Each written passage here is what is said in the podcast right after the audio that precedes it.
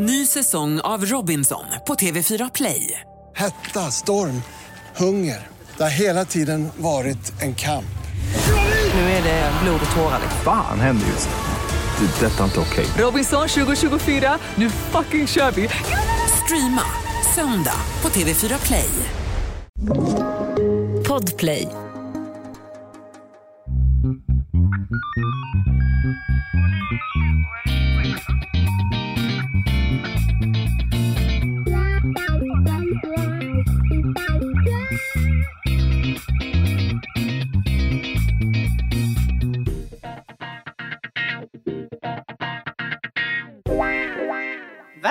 Välkomna till krimpoddarnas krimpodd över min döda kropp med mig, Anna Jinghede och Lena Ljungdahl. just det, Välkommen tillbaka, så kan vi ju man säga. Välkommen tillbaka till Vi har haft sommarlov. Ja, mäktigt. mäktigt ändå.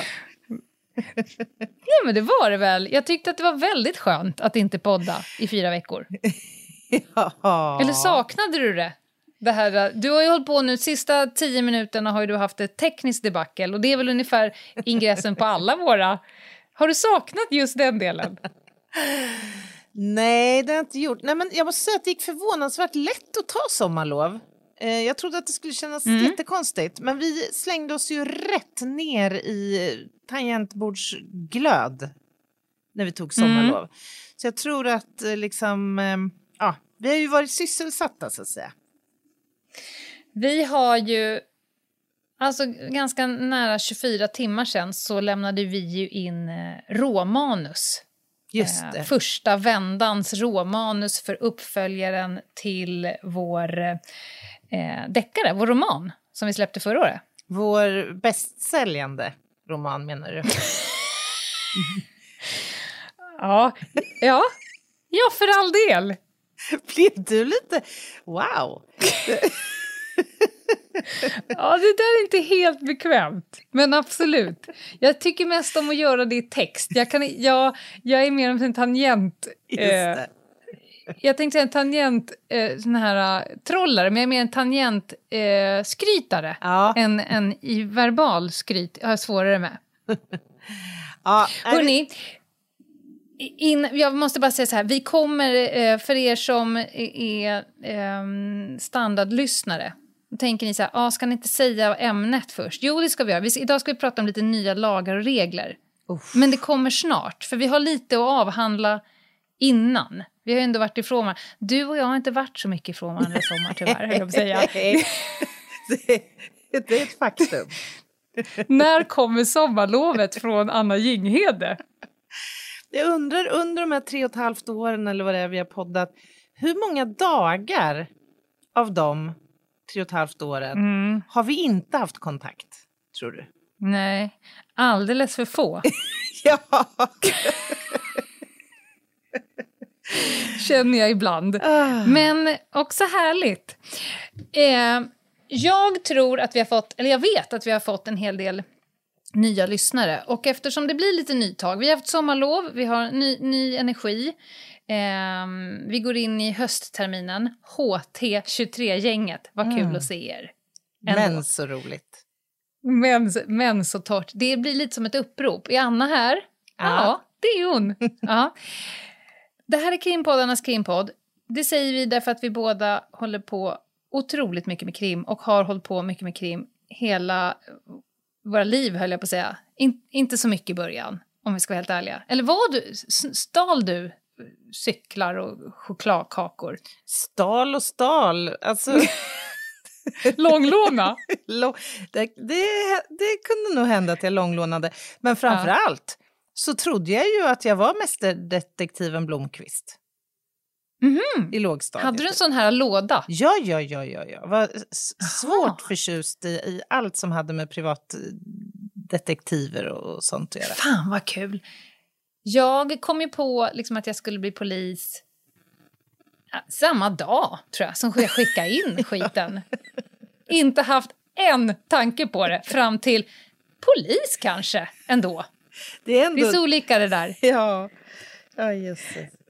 Men, men eh, och vi har ju ett upplägg. Varje torsdag kommer ett nytt avsnitt. De är typ en timme långa, de blir väldigt sällan en timme. De, de brukar bli eh, med råge tio. Mm. 10, 30, 60 plus en Ja, timme. 60 minuter Ja. styvt, som man säger. Ja, nej men och olika teman som vi cirklar runt. Och det kan bli eh, ibland anekdotstyrt. Ibland är det någon gammal rapport som grund. Ibland är det eh, något av våra specialområden. Anna, kriminaltekniker och farligt förtjust i, i det. Och våldsforskare. Ja, ja, ja. Ja. ja. Och jag brukar peta in lite spaning och juridik snett från vänster. Det har hänt, ja. Absolut. Och någon gång i månaden så slänger vi in ett historiskt case. Mm. För att vi tycker att det är kul. Inte bara dra ett case för sakens skull, utan vi tycker att det är härligt att kika på hur det hade sett ut idag, varför gjorde de så, vad säger lagen, hade man kunnat få dem fällda med dagens kriminalteknik och så vidare. Mm. Ja, det är väl där ni har hamnat ni som är nya. Ja, man kan väl säga det att inte sällan så jobbar vi ju på uppstuds när vi väljer ett tema. Det, det sker ganska Nej. frekvent. Men vi har ju så att säga gjort höstterminens kursplan. I stora Ja, delar. faktiskt. Kanske ska bjuda på Ja. några ämnen som, som eh, så att säga är Mm. i antågande. Som ligger, vad säger man, som ligger i luppen. Nej, det säger man inte, som ligger i röret. Just det. Ja, i lupp, vi, vi lägger vår lupp över någonting. Till exempel idag kommer ni få eh, stifta bekantskap med en del av de nya lagarna som har trätt i kraft medan ni har legat och pillat naveln eh, eller läst deckare. Vi kommer i närtid kika närmare på polisflyget, helikoptern som de heter i folkmun. Mm-mm. Du kommer lära oss allting om Münchhausen by proxy. Ja, eller, eller barnmisshandel genom sjukvårdsinsatser som man brukar säga nu för tiden. Men, men absolut. Ah, man får inte säga det andra. Jo, det får man, men, men man tycker inte att det är ett riktigt bra, en riktigt bra benämning. Vad sa du att det hette nu? det, det har flera olika benämningar, men barnmisshandel genom sjukvårdsinsatser. Ja, det där kommer bli intressant, för det är två ord som är, är svåra att sätta i samma mening. Misshandel av barn och sjukvårdsinsatser som en metod för att misshandla barn. Just det. Ja, det, är ju, det kommer bli väldigt intressant. Vi ska också prata om män, maskulinitet och eh, våld. Mhm. Spännande. Det ser jag väldigt mycket fram emot. Vi ska prata om hur det är att vara lärare på polisutbildningen och är det sant att de som går på polisutbildningen nu är mer lågbegåvade än när vi gick? Ja, det vore ju kul om vi kunde gå till botten med det där påståendet. Det kommer vi att göra. En gång för alla. Ja, och vi har lite rättspsykiatriinslag. Har vi pratat om också. Mm. Äntligen. Nej, men ni hör ju själva. Det kommer bli Det kommer bli en toppen höst. höst. Mm. Är det något mer du vill säga om sommaren, Anna Jinghede? Ja, vad är det för jävla väder? De soltimmar jag fick den här väder. sommaren kan jag räkna på min ena hand. Jag känner mig kränkt, faktiskt. Vet du vad? Jag tror att jag har drabbats av mitt eget karma. Därför att jag har ju följt din frustration, men också människors frustration. För att folk har, har uteslutande lagt upp saker om re, regn och dåligt väder. Och var jag än har varit så har det varit oroväckande fint. I, i, erat, I eran, som du ser, det fint väder. Jag tycker inte att det har varit dåligt väder någonstans Nej. det har varit. Det har varit sol och ingen regn. och... jag, och jag Fast- är jätte, jätteglad för din skull. Verkligen. Det sjuka är att jag vill ju inte ha det. Vi borde byta plats. Nej, men det, det, vi, vi har ägnat sommaren åt att skriva, åt att återhämta oss såklart lite och umgås med våra familjer. Men nu är vi här igen och nu är det dags att dra igång veckans tema och det kommer vi göra efter pausen. Poddtips från Podplay. I podden Något Kaiko garanterar östgötarna Brutti och jag, Davva, dig en stor dos skratt. Där följer jag pladask för köttätandet igen. Man är lite som en jävla vampyr. Man har fått lite blodsmak och då måste man ha mer. Udda spaningar, fängslande anekdoter och en och annan arg rant. Jag måste ha mitt kaffe på morgonen för annars är jag ingen trevlig människa. Då är du ingen trevlig människa, punkt. Något Kaiko, hör du på Podplay. Därför är gardinerna. Välkomna tillbaka till krimpoddarnas eh, krimpodd. Vi funderar just på vad det är för avsnitt ni lyssnar på och då kom vi fram till att det är någonstans, ligger någonstans mellan 300 och 350. Det är Ja. så, så Mm, exakt där är vi. idag. Mm. Ja men du Ljungdahl, det blev ju ett jädrigt sexigt uppstartstema tycker jag för höstterminen ändå. Du har ett sånt agg mot lagstiftning. Ja men det är ju... Det är ändå att- ditt jobb Jo, att hålla på och absolut. upprätta lagen och beivra överträdelse av densamma. Absolut, absolut. Men det är ju inte, alltså det är ganska torftigt med lagstiftning. Kan vi försöka göra det lite piggare? Ja, vi kan väl testa. Vi testar. Jag skulle i så fall vilja börja med att prata lite grann om lag blir till.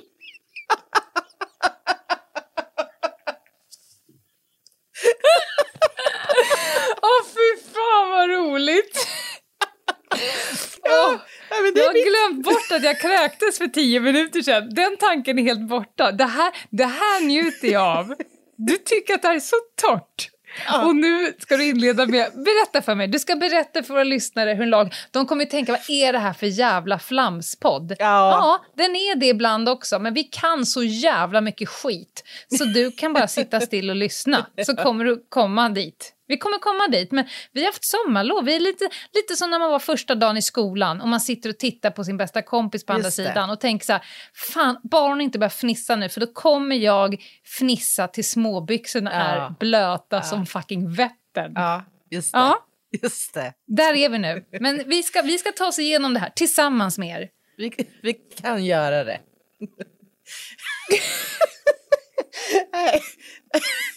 Jag tror vi får börja med att klippa lite det här första avsnittet. Nej men så här.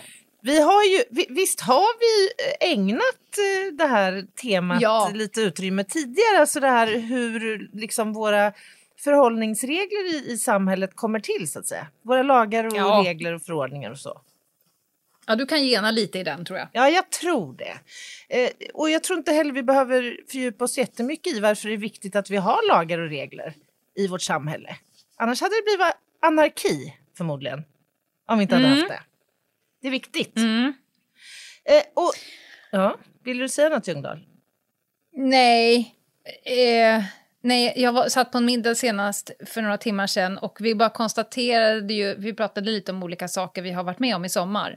Och då sa vi det att det är ett jävla under att inte människan redan har utplånat sig själv från denna jord. Därför att vi, människan som art är ju en så fruktansvärt bedrövlig varelse. Hade vi dessutom inte haft lagar och regler.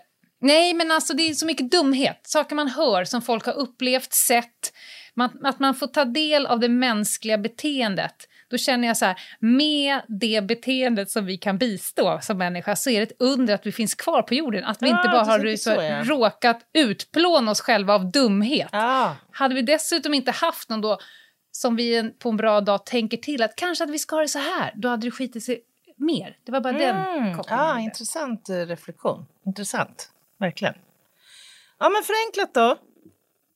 Ett lagförslag som man vill så att säga klubba igenom lämnas av regeringen till den Mm. instans i vårt samhälle som har att företräda folket, nämligen riksdagen. Och när regeringen gör detta så kallas det för en proposition. Och inte sällan då så finns det ju också riksdagsledamöter som vill så att säga lägga ett litet motförslag, eller ska man säga, en- ett litet motbud i, i form av en Ja. motion istället. Det kan Mm. vara att man har invändningar till eh, ett förslag. Eh, och inte sällan så har ju det här färdiga lagförslaget föregåtts av en utredning. Det har varit runt på, ins- på remiss, till remissinstanser och man har tillsatt eh, eh, en expertgrupp som har tittat på liksom förutsättningarna för om det här överhuvudtaget är rimligt och, och möjligt att, att eh, genomföra. Nåväl, när propositionen då lämnas över till riksdagen så behöver det ju ofta stötas och blötas lite mer så att säga. Och då kan eh, förslaget istället lämnas över till ett, eh, något av eh, utskotten. Jag vet faktiskt inte hur många. Experterna. Ja, jag vet inte hur många det är, men det är typ 15-20 utskott vi har tror jag. Något i den storleksordningen. Mhm. ja, och det som händer då, det är ju att det här lagförslaget bearbetas ytterligare och resulterar i ett betänkande som sen då kommer ligga till grund för riksdagens beslut, alltså den omröstning som Just det. sen kommer att, att ske. Och om man bestämmer sig då för att anta en ny lag eller en lagförändring, för det sker på exakt samma sätt, så, så kommer ju det här så att säga, re, regeringen kommer att utfärda lagen, sätta ihop lagtexten, publicera den i allsköns eh, olika källor. Och så kan vi då eh, ha något nytt att utgå ifrån så att säga. Och det här sker ju vanligen på sommaren eh, eller till nyår. Ja, och, och det är väl... Eh, jag kan tänka mig eh, att de har någon form av loop. Så här, man kan inte hålla på och hitta på nya lagar eh, varje vecka utan man, man jobbar utifrån de här två eh, datumen. Men, men framförallt så tänker jag, vi som medborgare förväntas ju följa lagen. Man kan inte som medborgare misshandla någon, sno en bil, strypa en katt, eh, sätta eld på någons hus och sen säga så här, fast det är ingen som har talat om för mig att det är olagligt. Just det. Många försöker, framförallt the millennials. Alltså, ja. Ja, ja, det genas. Så vi förväntas eh, veta om dem och Yes. följa dem. Och om vi inte gör det så åker vi på näsbränna. Och då är det ju smidigt om man kanske kan eh, hissa upp sin uppmärksamhetsflagga åtminstone första juli, första januari. För då kan man räkna med att det Ja. har kommit ett gäng nya lagar. Och jag tycker att det är ett väldigt trevligt allmängiltigt råd som vi skulle kunna dela med oss av. Att man faktiskt gör det, att man aktivt själv gör en enkel Google-sökning eller varför inte bara slå upp en random kvällstidning eller så runt eh, den första juli eller första januari. För då kommer det att eh, presenteras för dig. Får, får jag Alternativt lyssna på en krimpoddarnas krimpodd som med bra. jämna mellanrum återkommer till ämnet. Just det, bra poäng. Jag skulle bara nämna det, jag, jag satt ju med i en sån här eh, statlig utredning eh, i Just det. eh, höstas och i våras och det slog mig då, alltså man kan ju ibland få känslan av att en lag mer eller mindre snyts ur näven, för ibland går det ju väldigt fort. Men se, det gör det inte. Jesus, alltså, v- vilket enormt arbete som ligger bakom arbete, ja. Mm. många av de här nya eh, eh, lagarna. Och en annan eh, liten iakttagelse som jag har gjort, en liten spaning. Nej, det är ingen spaning.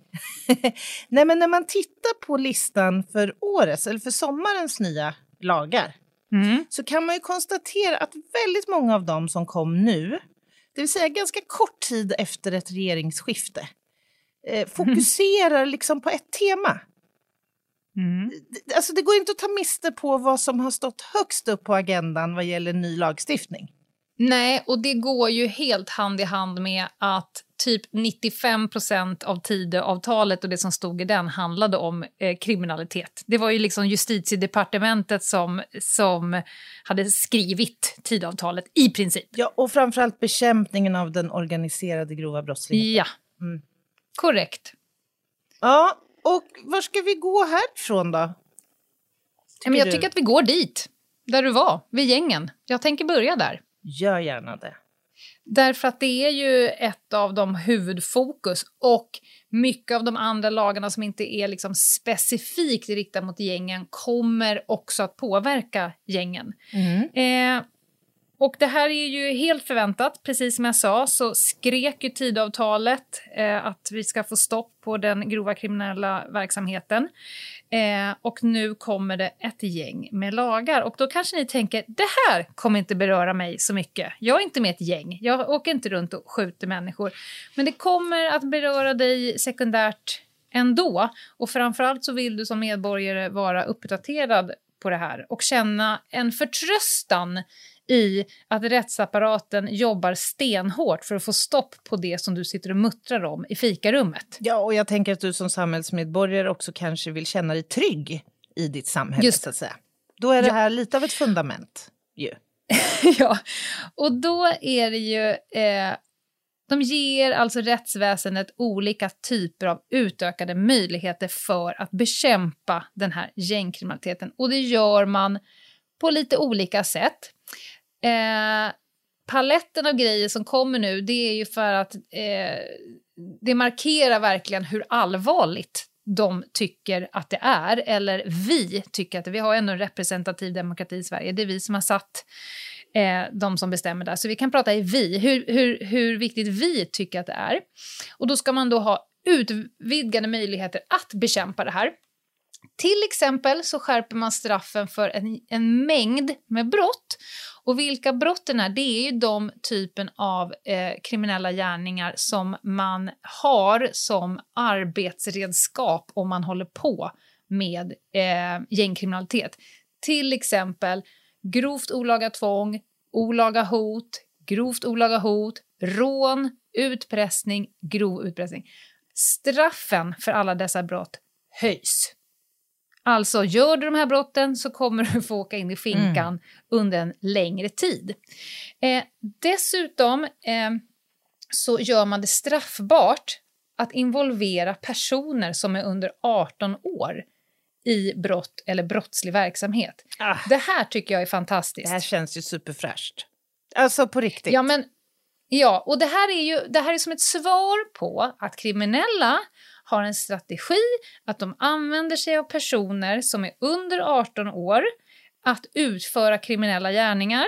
Mm. Och då har man då alltså gjort det till ett brott. Då är det alltså, när du gör det, när du förmår att använda de här barnen, då gör du ett brott. Det är inte bara barnet som begår en brottslig handling om den är då kanske mellan 15 och 18, utan det, det är straffbart att göra så. Det är fan konstigt att det inte redan har varit det. Ja, men kan verkligen. Frå men frågan är, det här är lite utanför kanske de nya lagarna och temat för podden idag. Men jag blir lite nyfiken hur man löser detta om du samtidigt har ett åtal för stämpling till exempel. Kan du åka på både mm. så stämpling och eh, eh va, va, vet vi vad brottet heter? Nej, Nej. vet ej. Eh, det har säkert någonting med involvering av mm. eh, barn under 18. Det, det, brukar heta så att man verkligen förstår i, i mm. själva gärningsbeskrivningen vad det är. Men eh, du tänker att om, om jag har påverkat en person att begå ett brott, då tror jag att det brottet helt kommer falla åt sidan, utan då kommer det bli det egna brottet istället. Okej. Okay. Ja, det blir mm, spännande att se hur det, mm. vilken praxis som kommer att bli och hur man kommer tillämpa den nya lagen. Ja. Och en sak till eh, som jag pratade om redan vid tidavtalet när vi gick igenom det, det är, och nu kommer ni kanske inte riktigt förstå, men gränsen för häktes, häktningspresumtion eh, vid misstanke om allvarlig brottslighet, som är då kopplad till det här, eh, sänks från två år eh, till ett år och sex månader. Och då tänker ni, vad är det här? Jo, mm. som det har varit hittills så är det så här att om man har begått ett brott eh, där det finns då eh, minimistraff om två år eh, har, har behövts tidigare. Och häkte, häktningspresumtion betyder att då är, det liksom då är det inne i häktet direkt. Det spelar ingen roll. Utan då har samhället bestämt att det spelar ingen roll. Det här brottet är så allvarligt och grovt mm. så då ska du häktas. Nu har man sänkt det och i och med att man sänker det då kommer man in, eh, få med många fler olika typer av brott. Ah. Så att man ska häktas för fler brott. Mm. Så att, för det finns ju brott som säger ja, eh, döms du för det här brottet så kan du få mellan 14 dagar och 6 månaders fängelse. Döms du för det här brottet är minimi 2 mm. år och max 10 år. Eh, och nu har man då sänkt det, vilket gör de säger helt enkelt så här. Fler människor ska sitta i fängelse för fler brott mm. och de mm. ska tidigare in i fängelset. Mm. mm. Och sitta längre. Det. det är det som de här lagarna går ut på. Få bort dem från gatan, skrämma dem och säga du använder inte barn, det är också ett brott. Eh, gör du de här brotten så kommer du få sitta mycket längre. Sen om det ger effekt, det vet vi inte än. Nej. Det vet vi sen. Vi kan ju konstatera så här. Försök. Du minns kriminalvårdsavsnittet. Vi har aldrig haft så mycket mm. folk i fängelser som, som just nu. Eh, och man kan ju tänka att det beror till stor del på att vi faktiskt har lyckats lagföra en del eh, individer Jajamän. engagerade i den grova organiserade brottsligheten. Men vi ser ju ingen som helst tendens till att skjutningarna skulle minska. Så att, eh, mm, vi får se Ja, vad det här eh, kan vi innebära. får se. En sista sak så, som också kommer påverka gängen och som kommer påverka många av er som lyssnar. Det är, eh, om man tänker ute i, i världen så går många länder åt en mer eh, liberal narkotikalagstiftning. Och då kan man tänka sig att Sverige skulle haka på där. Icke sa Nicke, vi får skärpande regler kring narkotikastrafflagen. Och det som nu är nytt, innan har det varit så att du är tvungen att fullborda eh, ett köp för att du ska kunna bli dömd för, för eh, det. Nu eh, kriminaliserar de det på försöksgraden. Så om du till exempel skickar ett sms att du vill köpa, att du, att du försöker köpa, då är även det kriminaliserat på försöksnivå. Det här eh, tycker jag är bra, men jag ser också framför mig väldigt många spännande rättegångar som kommer bli eh, liksom ledande i början. Hur kan man bevisa att, att jag på riktigt försökte Ja. eller om jag bara så här det var ett dum sms. Men säg att du har inhandlat en våg och eh, förpackningsmaterial och du bara väntar på parti. Ja, då har man ju mer att gå på. Men, men det är ändå en stark, tycker jag, eh, signal Verkligen. Eh, du, du ska, fram till nu har det varit så här, du ska inte göra något med knark. Och nu slår de till en sista, du ska inte ens försöka köpa knark. Nej, och det man, vill säga, du ska inte ge gängen mer pengar. Exakt vad jag skulle eh, komma till. Mm. Man förstår ju lite grann vad det här bottnar i. Det är ju också ett led i att, så att säga, försvåra för Mm. eh, gängens handel med narkotika som ju liksom är hela, eh, vad ska man säga, förutsättningen för att, Ja, att de här... Bensinen, bränslet. Precis.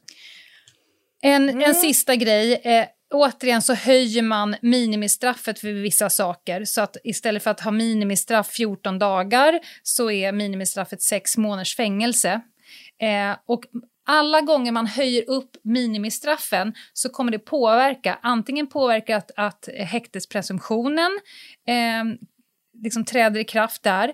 Det kan också vara att eh, aha, det är ett sånt brott med den typen av straffskala. Det betyder att vi har chans till hemliga tvångsmedel, vi har chans till husrannsakan och så vidare. Så att eh, om ni undrar hur länge man ska sitta i fängelse och vad man får för straff är inte bara en påverkan för individens tid.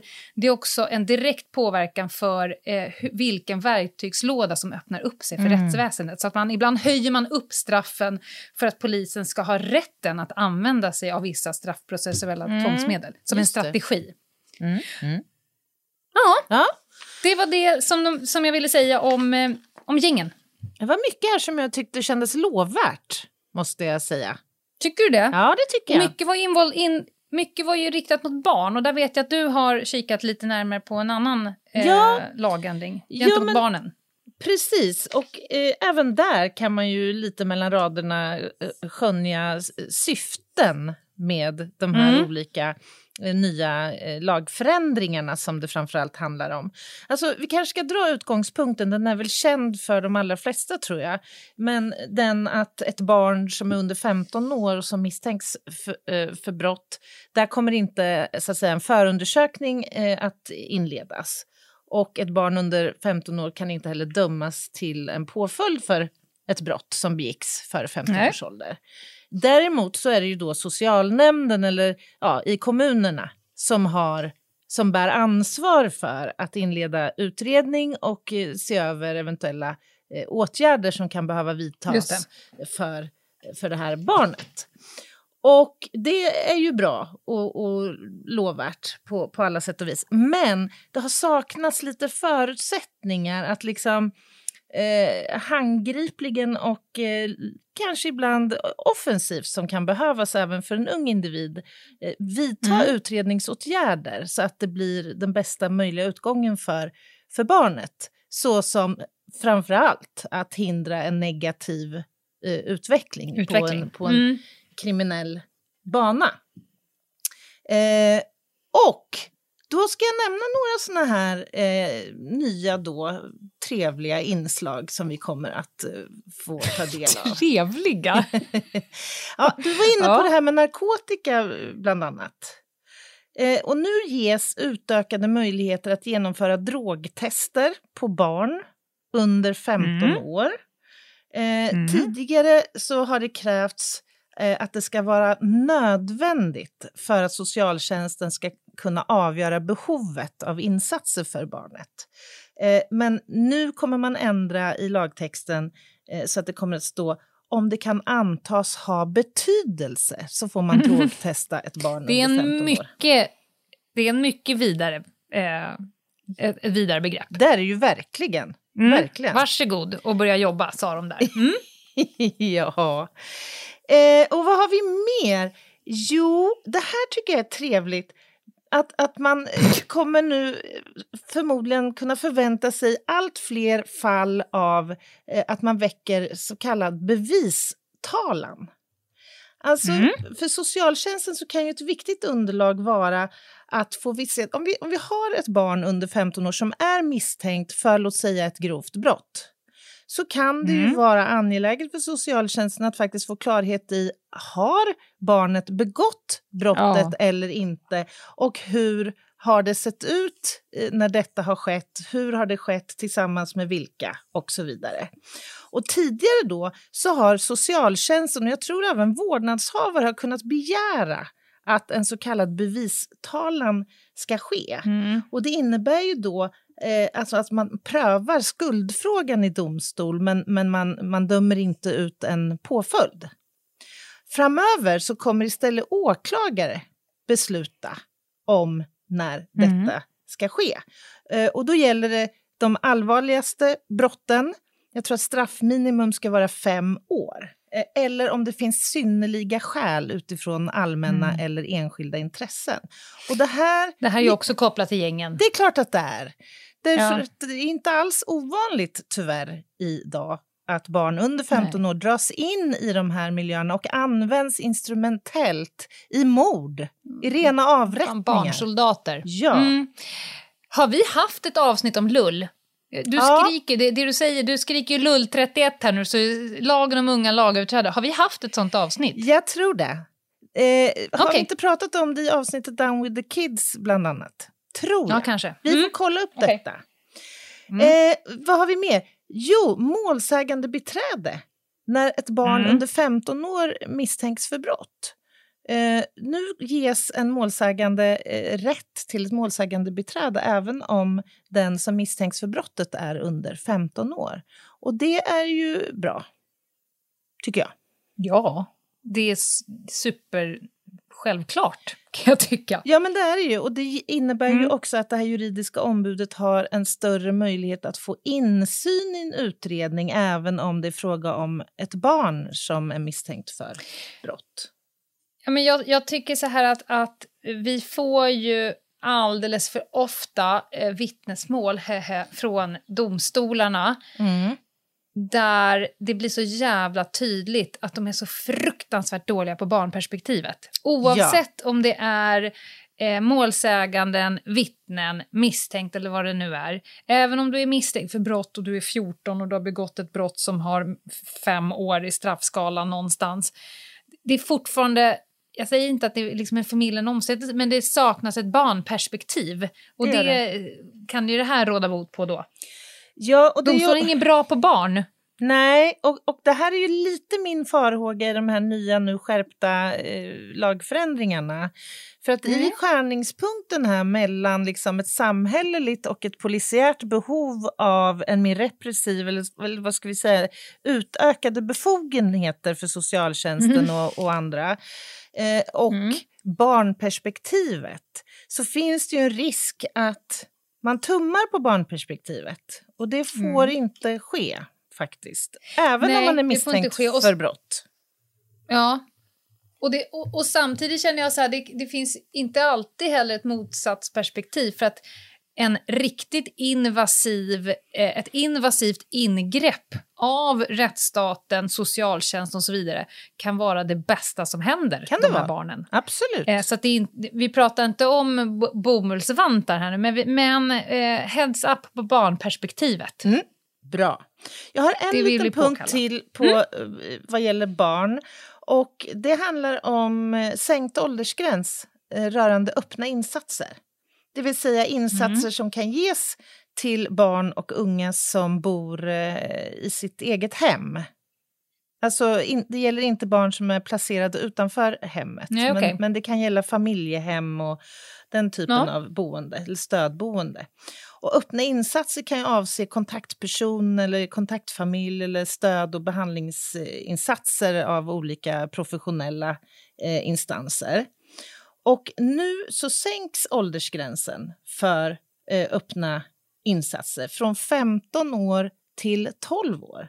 Och det innebär att socialnämnden nu då kan besluta om öppna insatser till ett barn som har fyllt 12 år, även utan vårdnadshavarens samtycke. Fy fan vad bra. Mm, det är bra. Det ska ju naturligtvis bedömas då eh, lämpligt och barnet själv ska samtycka till insatsen. Det är viktigt att Mm. poängtera. Ja, där, men det, där skriker i barnperspektivet. Barnet vill och behöver. Eh, socialtjänsten vill och behöver hjälpa till. Då ska inte en skitdålig förälder sätta stopp. True story. Mm, bra. Tack, Anna. Eh, viktigt att få med det. Ska vi ta en paus innan vi går på de sista lagarna och sen blir det rövhatt? Så får det bli. Poddtips från Podplay. I podden Något Kaiko garanterar östgötarna Brutti och jag, Davva, dig en stor dos skratt. Där följer jag pladask för köttätandet igen. Man är lite som en jävla vampyr. Man har fått lite blodsmak och då måste man ha mer. Udda spaningar, fängslande anekdoter och en och annan arg rant. Jag måste ha mitt kaffe på morgonen för annars är jag ingen trevlig människa. Då är du ingen trevlig människa, punkt. Något Kaiko, hör du på Podplay. Därför är gardinerna. Ja, men välkomna tillbaka till krimpoddarnas eh, krimpodd avsnitt 300 någonting. Eh, vi pratar om eh, nya lagar som har trätt i kraft per den 1 juli 2023. Och nu, Lena Ljungdahl, så tror jag att du ska prata lite antiterror. Ja, och det är ju en av mina käpphästar som jag är inne och vevar i lite då och då på olika sätt. Därför att det handlar oftast om våldsbejakande extremister av olika sort. Och det har blivit lite av min fäbless. Och det här är ju ett jävla snack om det. Eh, vi har ökad hotbild mot Sverige. Eh, koranbränningarna gör att Sverige är hatat utanför våra landsgränser. Vi har rykten om oss. Eh, man pratar om ett ökat terrorhot och så vidare. Helt i linje med detta kommer nu också nya lagar. Och en av lagarna heter, ett helt nytt brott i terroristbrottslagen för din egen, eh, deltagande i terroristorganisation. För mig helt obegripligt hur det inte har kunnat vara eh, straffbart innan. Eh, deltagande i terroristorganisation. Organisation. eh, det vill säga straffansvar för den som deltar i verksamheten i en terroristorganisation på ett sätt som är ägnat, alltså lätt kan, främja, stärka eller understödja organisationen. Så du behöver inte tänka att du liksom springer runt i en mundering och är liksom en våldsutövande terrorist. Utan Nej. om du är med i en organisation på ett sätt som gör att du främjar, stärker eller understödjer den här organisationen så faller det inom ramen för det här nya brottet. Heja, säger Mm. jag om det. Tillåts man ställa en fråga här? Du får alltid ställa en fråga. Jag ska försöka svara. Nej, men jag blir lite nyfiken på den här eh, definitionen, terroristorganisation. Ja, visst, alltså jag skulle kunna rabbla fem stycken som är väletablerade, och välkända och kartlagda. Såklart. IS, för att nämna en, Al-Qaida. Alltså det Mm. finns ju ett gäng. Men är de här terroristorganisationerna alltid så eh, välorganiserade och eh, så att säga det, måste, det måste ju ha medfört att man också ha, måste ha definierat vad en terrororganisation är, tänker jag. Har du stött på något? Jag tror att problematik Nej, men jag, jag, tror att problematiken är där exakt samma sak som alla de nya lagarna där det står i lagbestämmelsen om du är med är i en gängkriminell verksamhet. Mm. Och det, det pratar jag om i ett avsnitt, det är inte så att de har stadgar. Det är inte så här, du Nej. får en medlemspin. Så här, ah, nu är du med i en, i, i en terroristorganisation eller i gäng. det är årsstämmor och bli- det... Berit, Berit, du är justeringsman idag. Berra, Nej, har du koll nej. på ditt bälte nu när du sätter dig ner där? Nej, förlåt. Ja.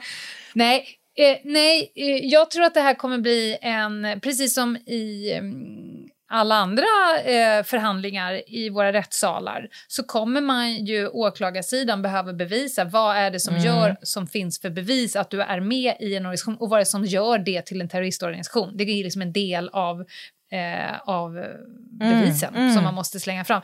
Det är ju inte som, om vi, nu blir det en jättekonstig koppling, men, men narkotikabrott, eh, då måste ju just ett visst preparat finnas med i listan över... Men, men det finns ingen sån lista här, eh, utan det är mer eh, verksamhetens eh, väl och ve s- som avgör eh, huruvida det är eh, ett terroristbrott. Ja. Sen är det också så här, lite beroende på vad du har gjort i den här organisationen. Ehm, har du till exempel lett terroristorganisationen så är straffet ända upp till livstid. Högst 18 år eller livstid. Så det beror lite på hur delaktig du är i organisationen. Vad är din roll, insyn, påverkan, vinning och allt det där. Det påverkar också själva straffet. Ehm, Sen blir det också straffbart, även om du inte på något sätt eh, gör någonting annat än att finansiera.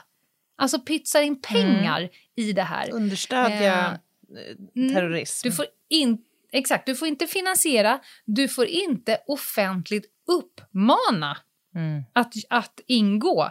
Du får inte heller rekrytera till det här brottet. Så det är inte bara det fullbordade brottet utan du får inte göra någonting. Främja, eh, stärka, understödja, uppmana till det, rekrytera till det. Du får inte heller resa utomlands i avsikt att begå det här brottet. Mm.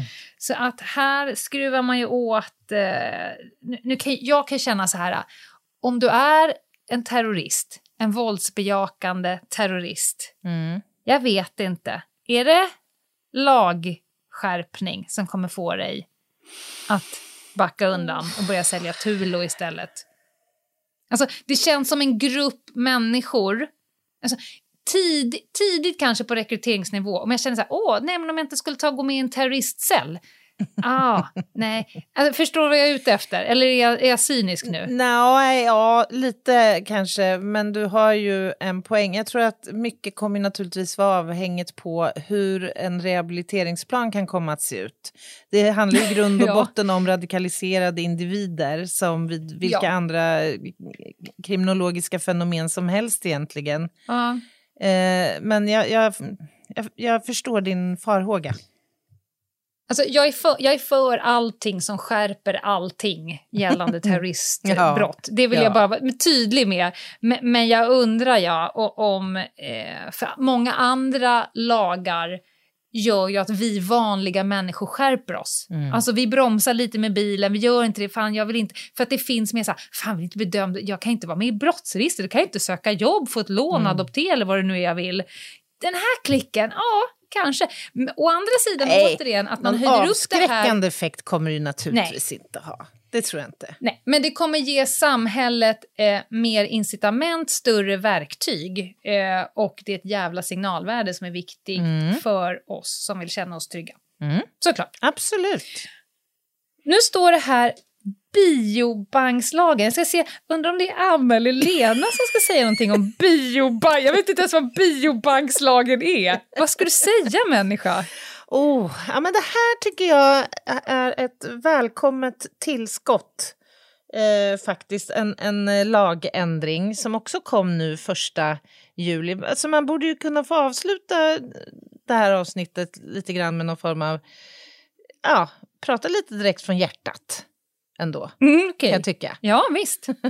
En biobank det är en samling av eh, biologiska prover som är tagna från människor. Du kanske känner till eh, PKU-registret till exempel. Just det. Mm. Där i Det lilla sticket i hälen. Precis.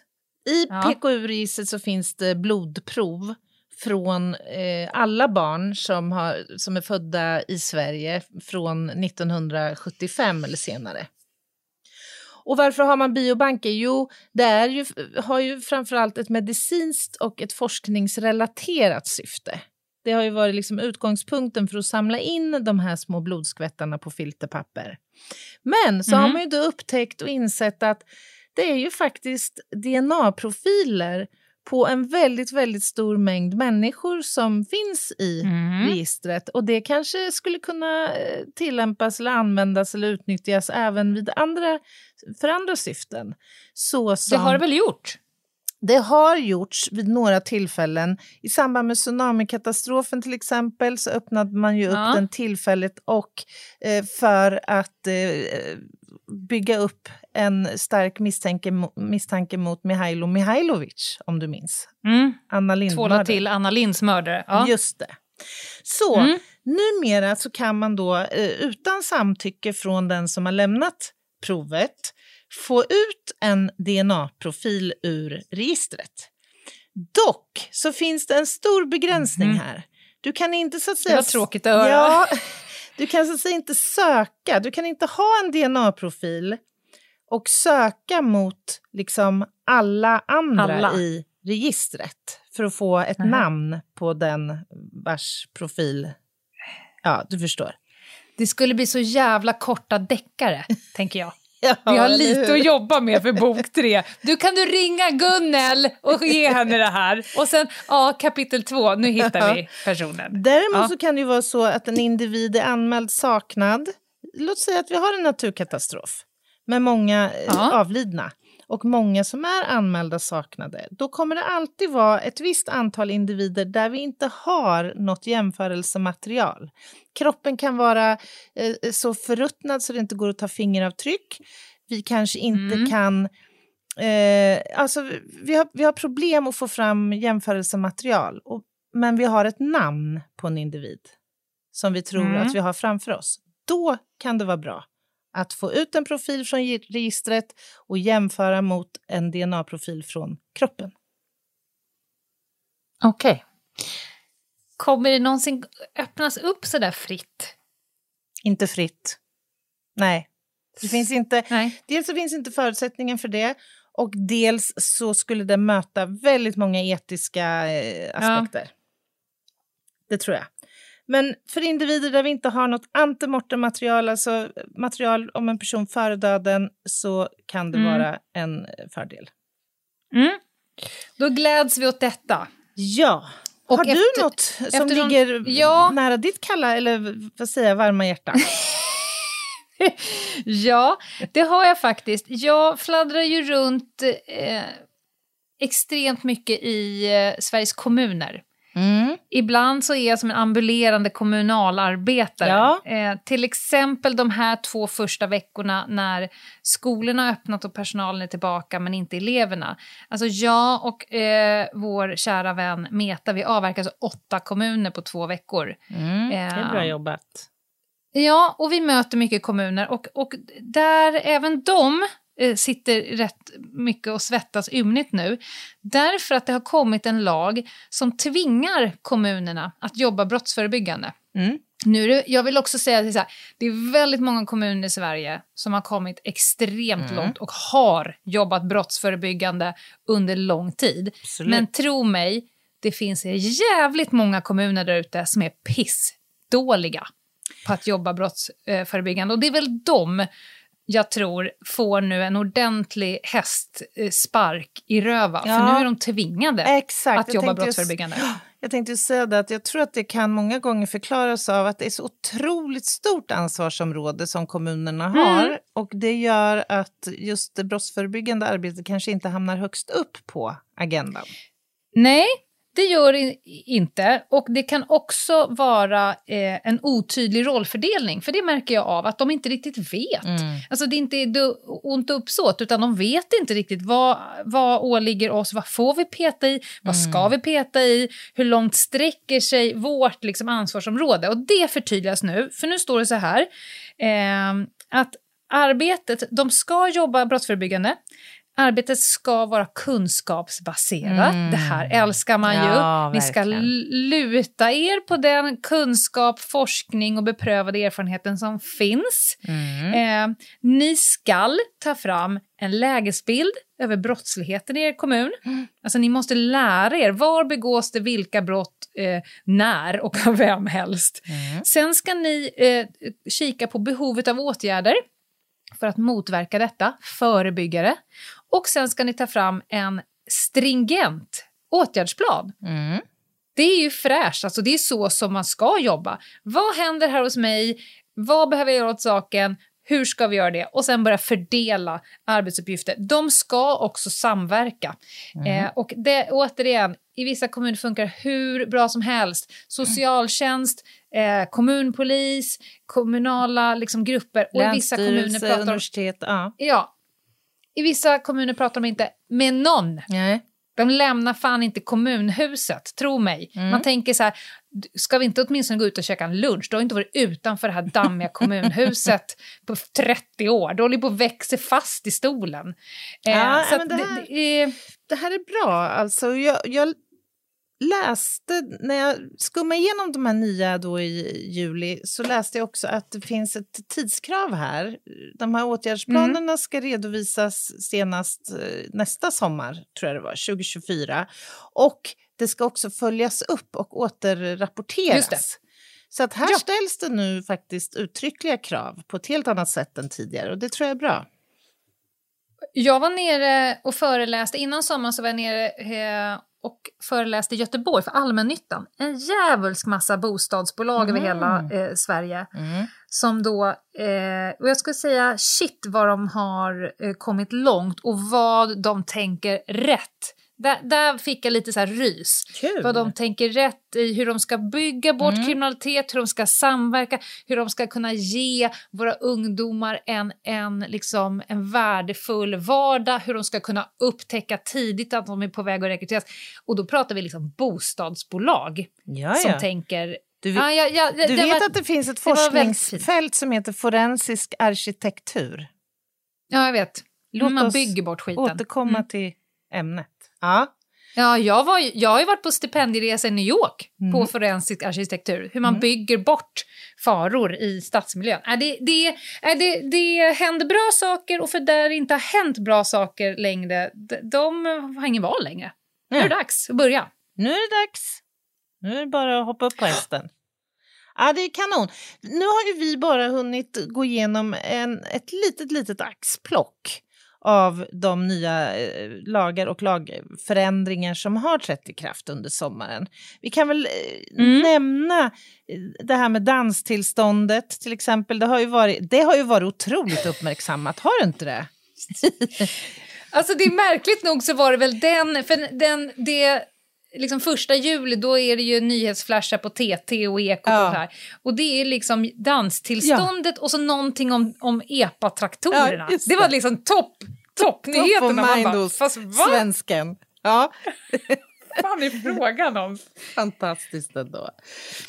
Eh, men som sagt, allt detta finns det ju väldigt bra information eh, om out there. Så att eh, googla dig medvetslös, höll jag på att säga. Det, det finns hur mycket som helst att läsa. Det, det finns så mycket som helst. Jag måste bara säga en sak. Jag, om du googlar på danstillståndet då kommer du komma till en information om varför danstillståndet eh, infördes. Aha. Och det var på grund av, citat, det moraliska förfallet på dansbanorna Ja, kan, 1958. jag tänkte säga, det kan inte ha uttalats igår precis. Nej, Nej. 58. Det moraliska förfallet på dansbanan. Det var för mycket juck på, på Lars Kristers eh, avskedsshow. Jag tycker ändå det känns Ja. bra att man kan få gå ut och skaka rumpa lite grann spontant på Nu restaurang är det bara och ut och jucka och gnugga Ja. bäst Ja. fan ni vill. Ja, fasen var bra. det var det. Det var det. Nu kommer... Jag sitter och smakar på vilken av de två rövhattarna jag ska ta. Men vi kanske har lite samhällsinformation medan jag bestämmer mig. Ja, men det har vi ju. Vi har ju ett Instagramkonto. Där heter vi Mm. Ljungdahl och Ginghede. Eh, och vi ser att eh, många nya har hittat dit. Det är jätteroligt. Eh, och sprid gärna ordet. Men vi ser också att vi har varit väldigt trötta över sommaren. Det sista inlägget Ja, är, det från det dåligt. historiska caset som vi hade 1812. Ja. Kanske att vi slänger upp något nytt och fräscht så att det ser kul ut när ni Ja. hoppar in där på torsdag. Det lovar vi. Det ska vi göra. Mm. Ja, vad har vi? Boken. Vi är ju verkligen på gång. Du nämnde ju inledningsvis råmanus Ja. inlämnat och vi räknar med att den kommer att ges ut tidig vår 2024. Så det är inte jättelångt tid kvar nu. Nej, och, och fram tills dess så kan vi ju njuta av att ni är så jävla gulliga. Ni skickar så mycket Ja. bilder från mataffärer, lokala köpcentrum, bibliotek, eh, från Ja. solstolar. Ni Fasen, smygfotar andra människor Ja. som sitter. Så vi får så mycket bilder på människor som läser vår bok Någon måste dö. Eh, och vi får lite kärleksfnatt och ny energi varje gång vi får en sån bild. Antingen att vi blir taggade i den och skickar på DM. Mm. Det älskar vi. Så Mm. att pocketen har ju precis kommit ut nu eh, i sommar och Mm. eh, den, eh, den skäms inte för sig Nej, det ska den inte Den göra. står ju i skyltfönstren. Kul! Ja, jättekul. Roligt. Nej, och sen så kommer vi ju trumma på med livepods-turnéerna. Eh, Ja, Och vi har några gig inbokade. men de är slutsålda. Ja, det är de ju. Men det kan bli fler, kanske. Kan kanske bli fel. Ja. Håll utkik på Mm. Instagram. Men nu Lena Ljungdahl, vad tänker Ja. du ge oss för rövhatt idag? Lenas rövhatt. Ja, men här kommer då rövhatten. Eh, och för er som är nya lyssnare så, så är det nämligen så att varannan torsdag så avslutar eh, jag podden med att nominera, eller nej, att kora en veckans rövhatt. Ja. Någonting som jag har brunat ut på i närtid. Eh, Ja. Det kan vara en, en människa. Det är oftast trafikbaserat. ja, det är det. det, är Eh, det. det är ibland döda ting, ibland är det företeelser, men det är någonting som jag liksom... Det, pock, det pockar på, så att Mm. säga. Det vill upp. Mm. Det Upp och ut. Ja, ja. Ja. Och varannan vecka, eh, det vill säga nästa torsdag då, då är det Anna som avslutar podden med att göra en jätte, jätteviktig lista Mm. på ett tema som hon väljer. Det är oftast kön, död eller djur. Det är väl de tre ja, det har det varit faktiskt. Och, det, och då tänker ni så här, har det någonting med temat att göra? Nej, alltså ibland är det så här att vi har jättetunga teman som är fruktansvärt jobbiga för oss att spela in. Vi har ju både bölat och varit arga och så vidare. Vi har teman som är kanske lite av det torftigare slaget när vi går igenom någon forskningsrapport och så vidare. Eh, och då har vi kommit på att vi och ni behöver landa i en helt annan känsla. Om Anna har suttit och pratat om misshandel mot barn i en timme, då ibland känner vi så här, det går inte att avsluta med en rolig lista om roliga djur. Jo, det är precis just det vi behöver göra för, att, för att landa, knyta upp säcken och gå ut i livet med en annan känsla. Så det är själva syftet med, med påhittet. Mm. Mm. Och eftersom jag då eh, brukar bruna ut på, på eh, saker så får jag ju också jättemånga mejl av människor som är arga på mig. Eh, till exempel, eh, jag tror att det mesta hatmejlen vi har fått det var när jag gav mig på människor som har lunchlådan eh, i en påse som det, Det står lunchlådan på. Ja, ja, och då har jag ändå gett mig på betydligt alltså, rena personangrepp. Så. Men det är ändå där, dit men inte längre. Du tar inte min Ja, just det. lunchlåda-påse. Det var den yttersta gränsen på något sätt. Ja. Ja, backa Ja. påsen. Ja, nej. Och då tänkte jag nämligen starta upp eh, höstterminen med att göra någonting som jag har gjort ett par gånger. Och det är att utse mig själv till Oh, rövhatt. Det här tycker jag är en väldigt ödmjuk sida hos, hos dig. Och, Ja. och smakfull sida hos dig, Lena Ljungdahl. Ja, men det, jag vet ju, och det slår mig ganska ofta vilken jävla rövhatt jag är alltså. Eh, Vad har Och du gjort? Du har också blivit rövhatten någon gång. Ja, ja, Till exempel när du, när du eh, så att säga, skällde ut en taxichaufför som ska ha stulit din eh, plånbok men du hade egentligen supit bort den. Mm, ja. mm, mm. Eh, nej, men så här, idag eh, så gjorde jag någonting som jag inte gör så ofta och det är att ringa människor. Mm. Nej, det gillar du inte. Nej, det gillar jag inte. Men, men folk gillar inte att jag inte gillar att Nej, prata det- det- i telefon. Det, är inte liksom, det följer inte riktigt den sociala konstruktionen, så att säga. Det är inte normativt riktigt. Nej, och det kan gå liksom fem, sex dagar utan att jag och min man har någon kontakt Mm. med varandra. Alltså noll, noll. Inget sms, ingenting. Mm. Eh, och, och, och, eh, och så får jag lite så här gliringar av, av folk i min närhet. Så här, Fan, det är alltid jag som ringer dig. Ja, det, det, just det. alltså, måste ja, vara rättvist, Ja, ja, Ja. Ja, säger jag. Jo, det, det är sant, men det är ju, då kan, skulle jag kunna säga, vilket jag gör till vissa av dem, så här, men det är för att jag inte vill prata med dig. Alltså, jag vill inte, jag vill inte prata, du får messa. Och så. Men då kom jag på en... eh, Det var inte att jag gjorde det nytt idag, men idag reflekterade jag över det. För idag ringde jag inom en kort tidssegment när jag satt i bilen. Eh, tre personer som jag känner så här, Oj. fan det pockar på. Jag feeling? bör nog Ah. jag fick feeling och kände så här, jag gör det nu, men nu kommer själva rövhatten. Jag tittar på mitt ur och tänker så här, om jag ringer nu, då kommer hon garanterat inte svara. För hon är på utbildning till klockan 16. Fan, Jag ringer bara när jag vet att du kommer inte svara. Du håller ju på med, med en... Du går ju krålkurs nu till klockan 16. Du ligger ju i plurret. Så att. Men då tänker du ringer ändå jag- att du liksom ändå sätter in på kontot. Eh, ja. För vederbörande kommer ju se att du, aha, oj, nu har Lena ringt. Oj! Oj! Tackar, tackar! 1-1. Wow! Ja, och då ringer jag. Det sjuka, nu själva röten. Jag sitter där och jag vet att hon inte kommer svara. Men jag sitter ändå och, och blir liksom lite mumsig av... Ja. Här sitter jag med signalerna. Åtta signaler. Fan vilken fin människa. Jag väntar. Hon kanske ändå... Får jag vet att hon inte kommer svara. Äh, får jag fråga, Ja.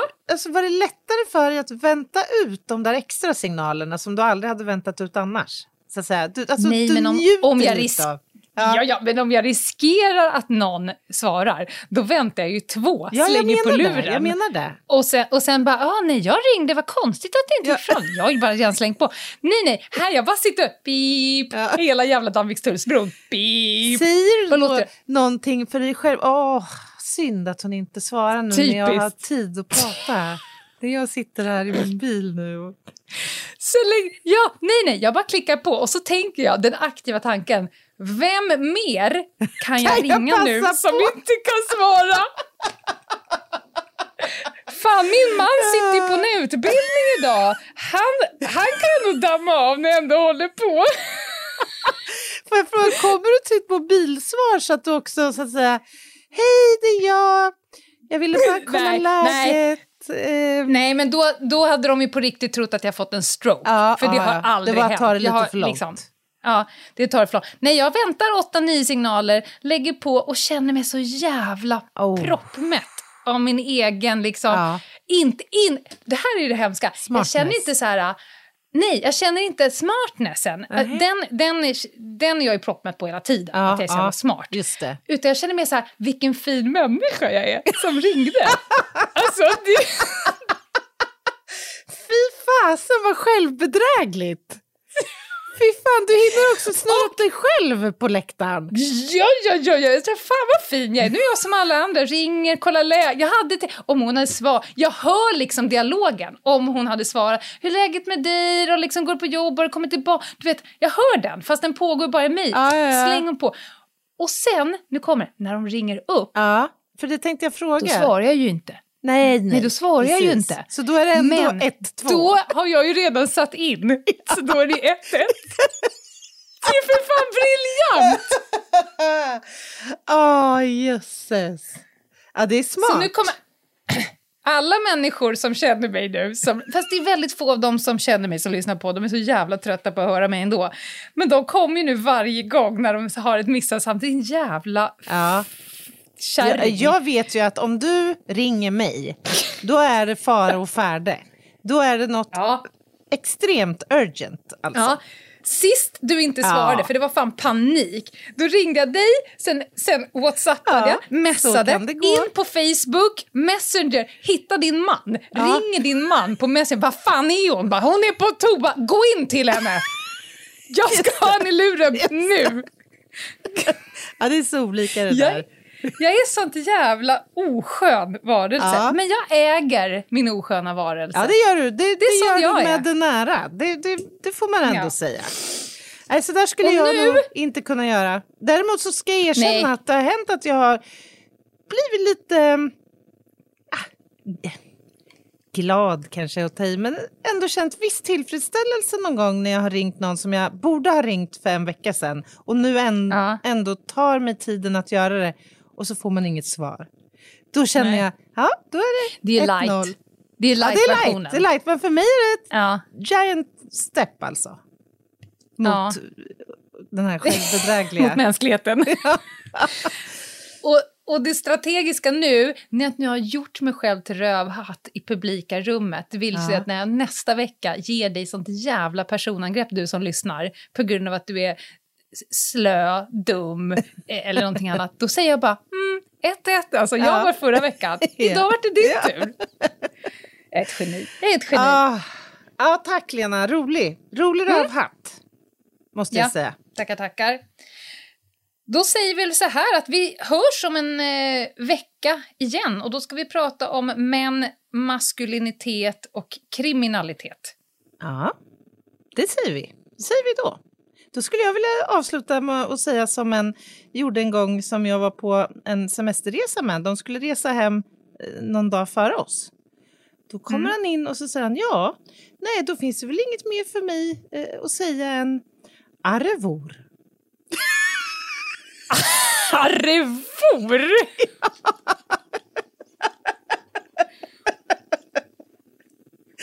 Det är ändå väldigt roligt.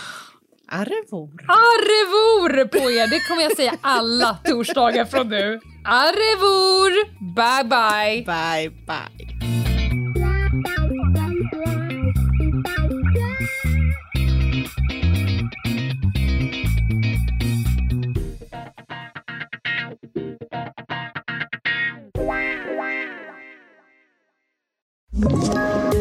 Poddtips från Podplay. I podden Något Kaiko garanterar östgötarna Brutti och jag, Davva, dig en stor dos skratt. Där följer jag pladask för köttätandet igen. Man är lite som en jävla vampyr. Man har fått lite blodsmak och då måste man ha mer. Udda spaningar, fängslande anekdoter och en och annan arg rant. Jag måste ha mitt kaffe på morgonen för annars är jag ingen trevlig människa. Då är du ingen trevlig människa, punkt. Något Kaiko, hör du på Podplay. Därför är gardinerna.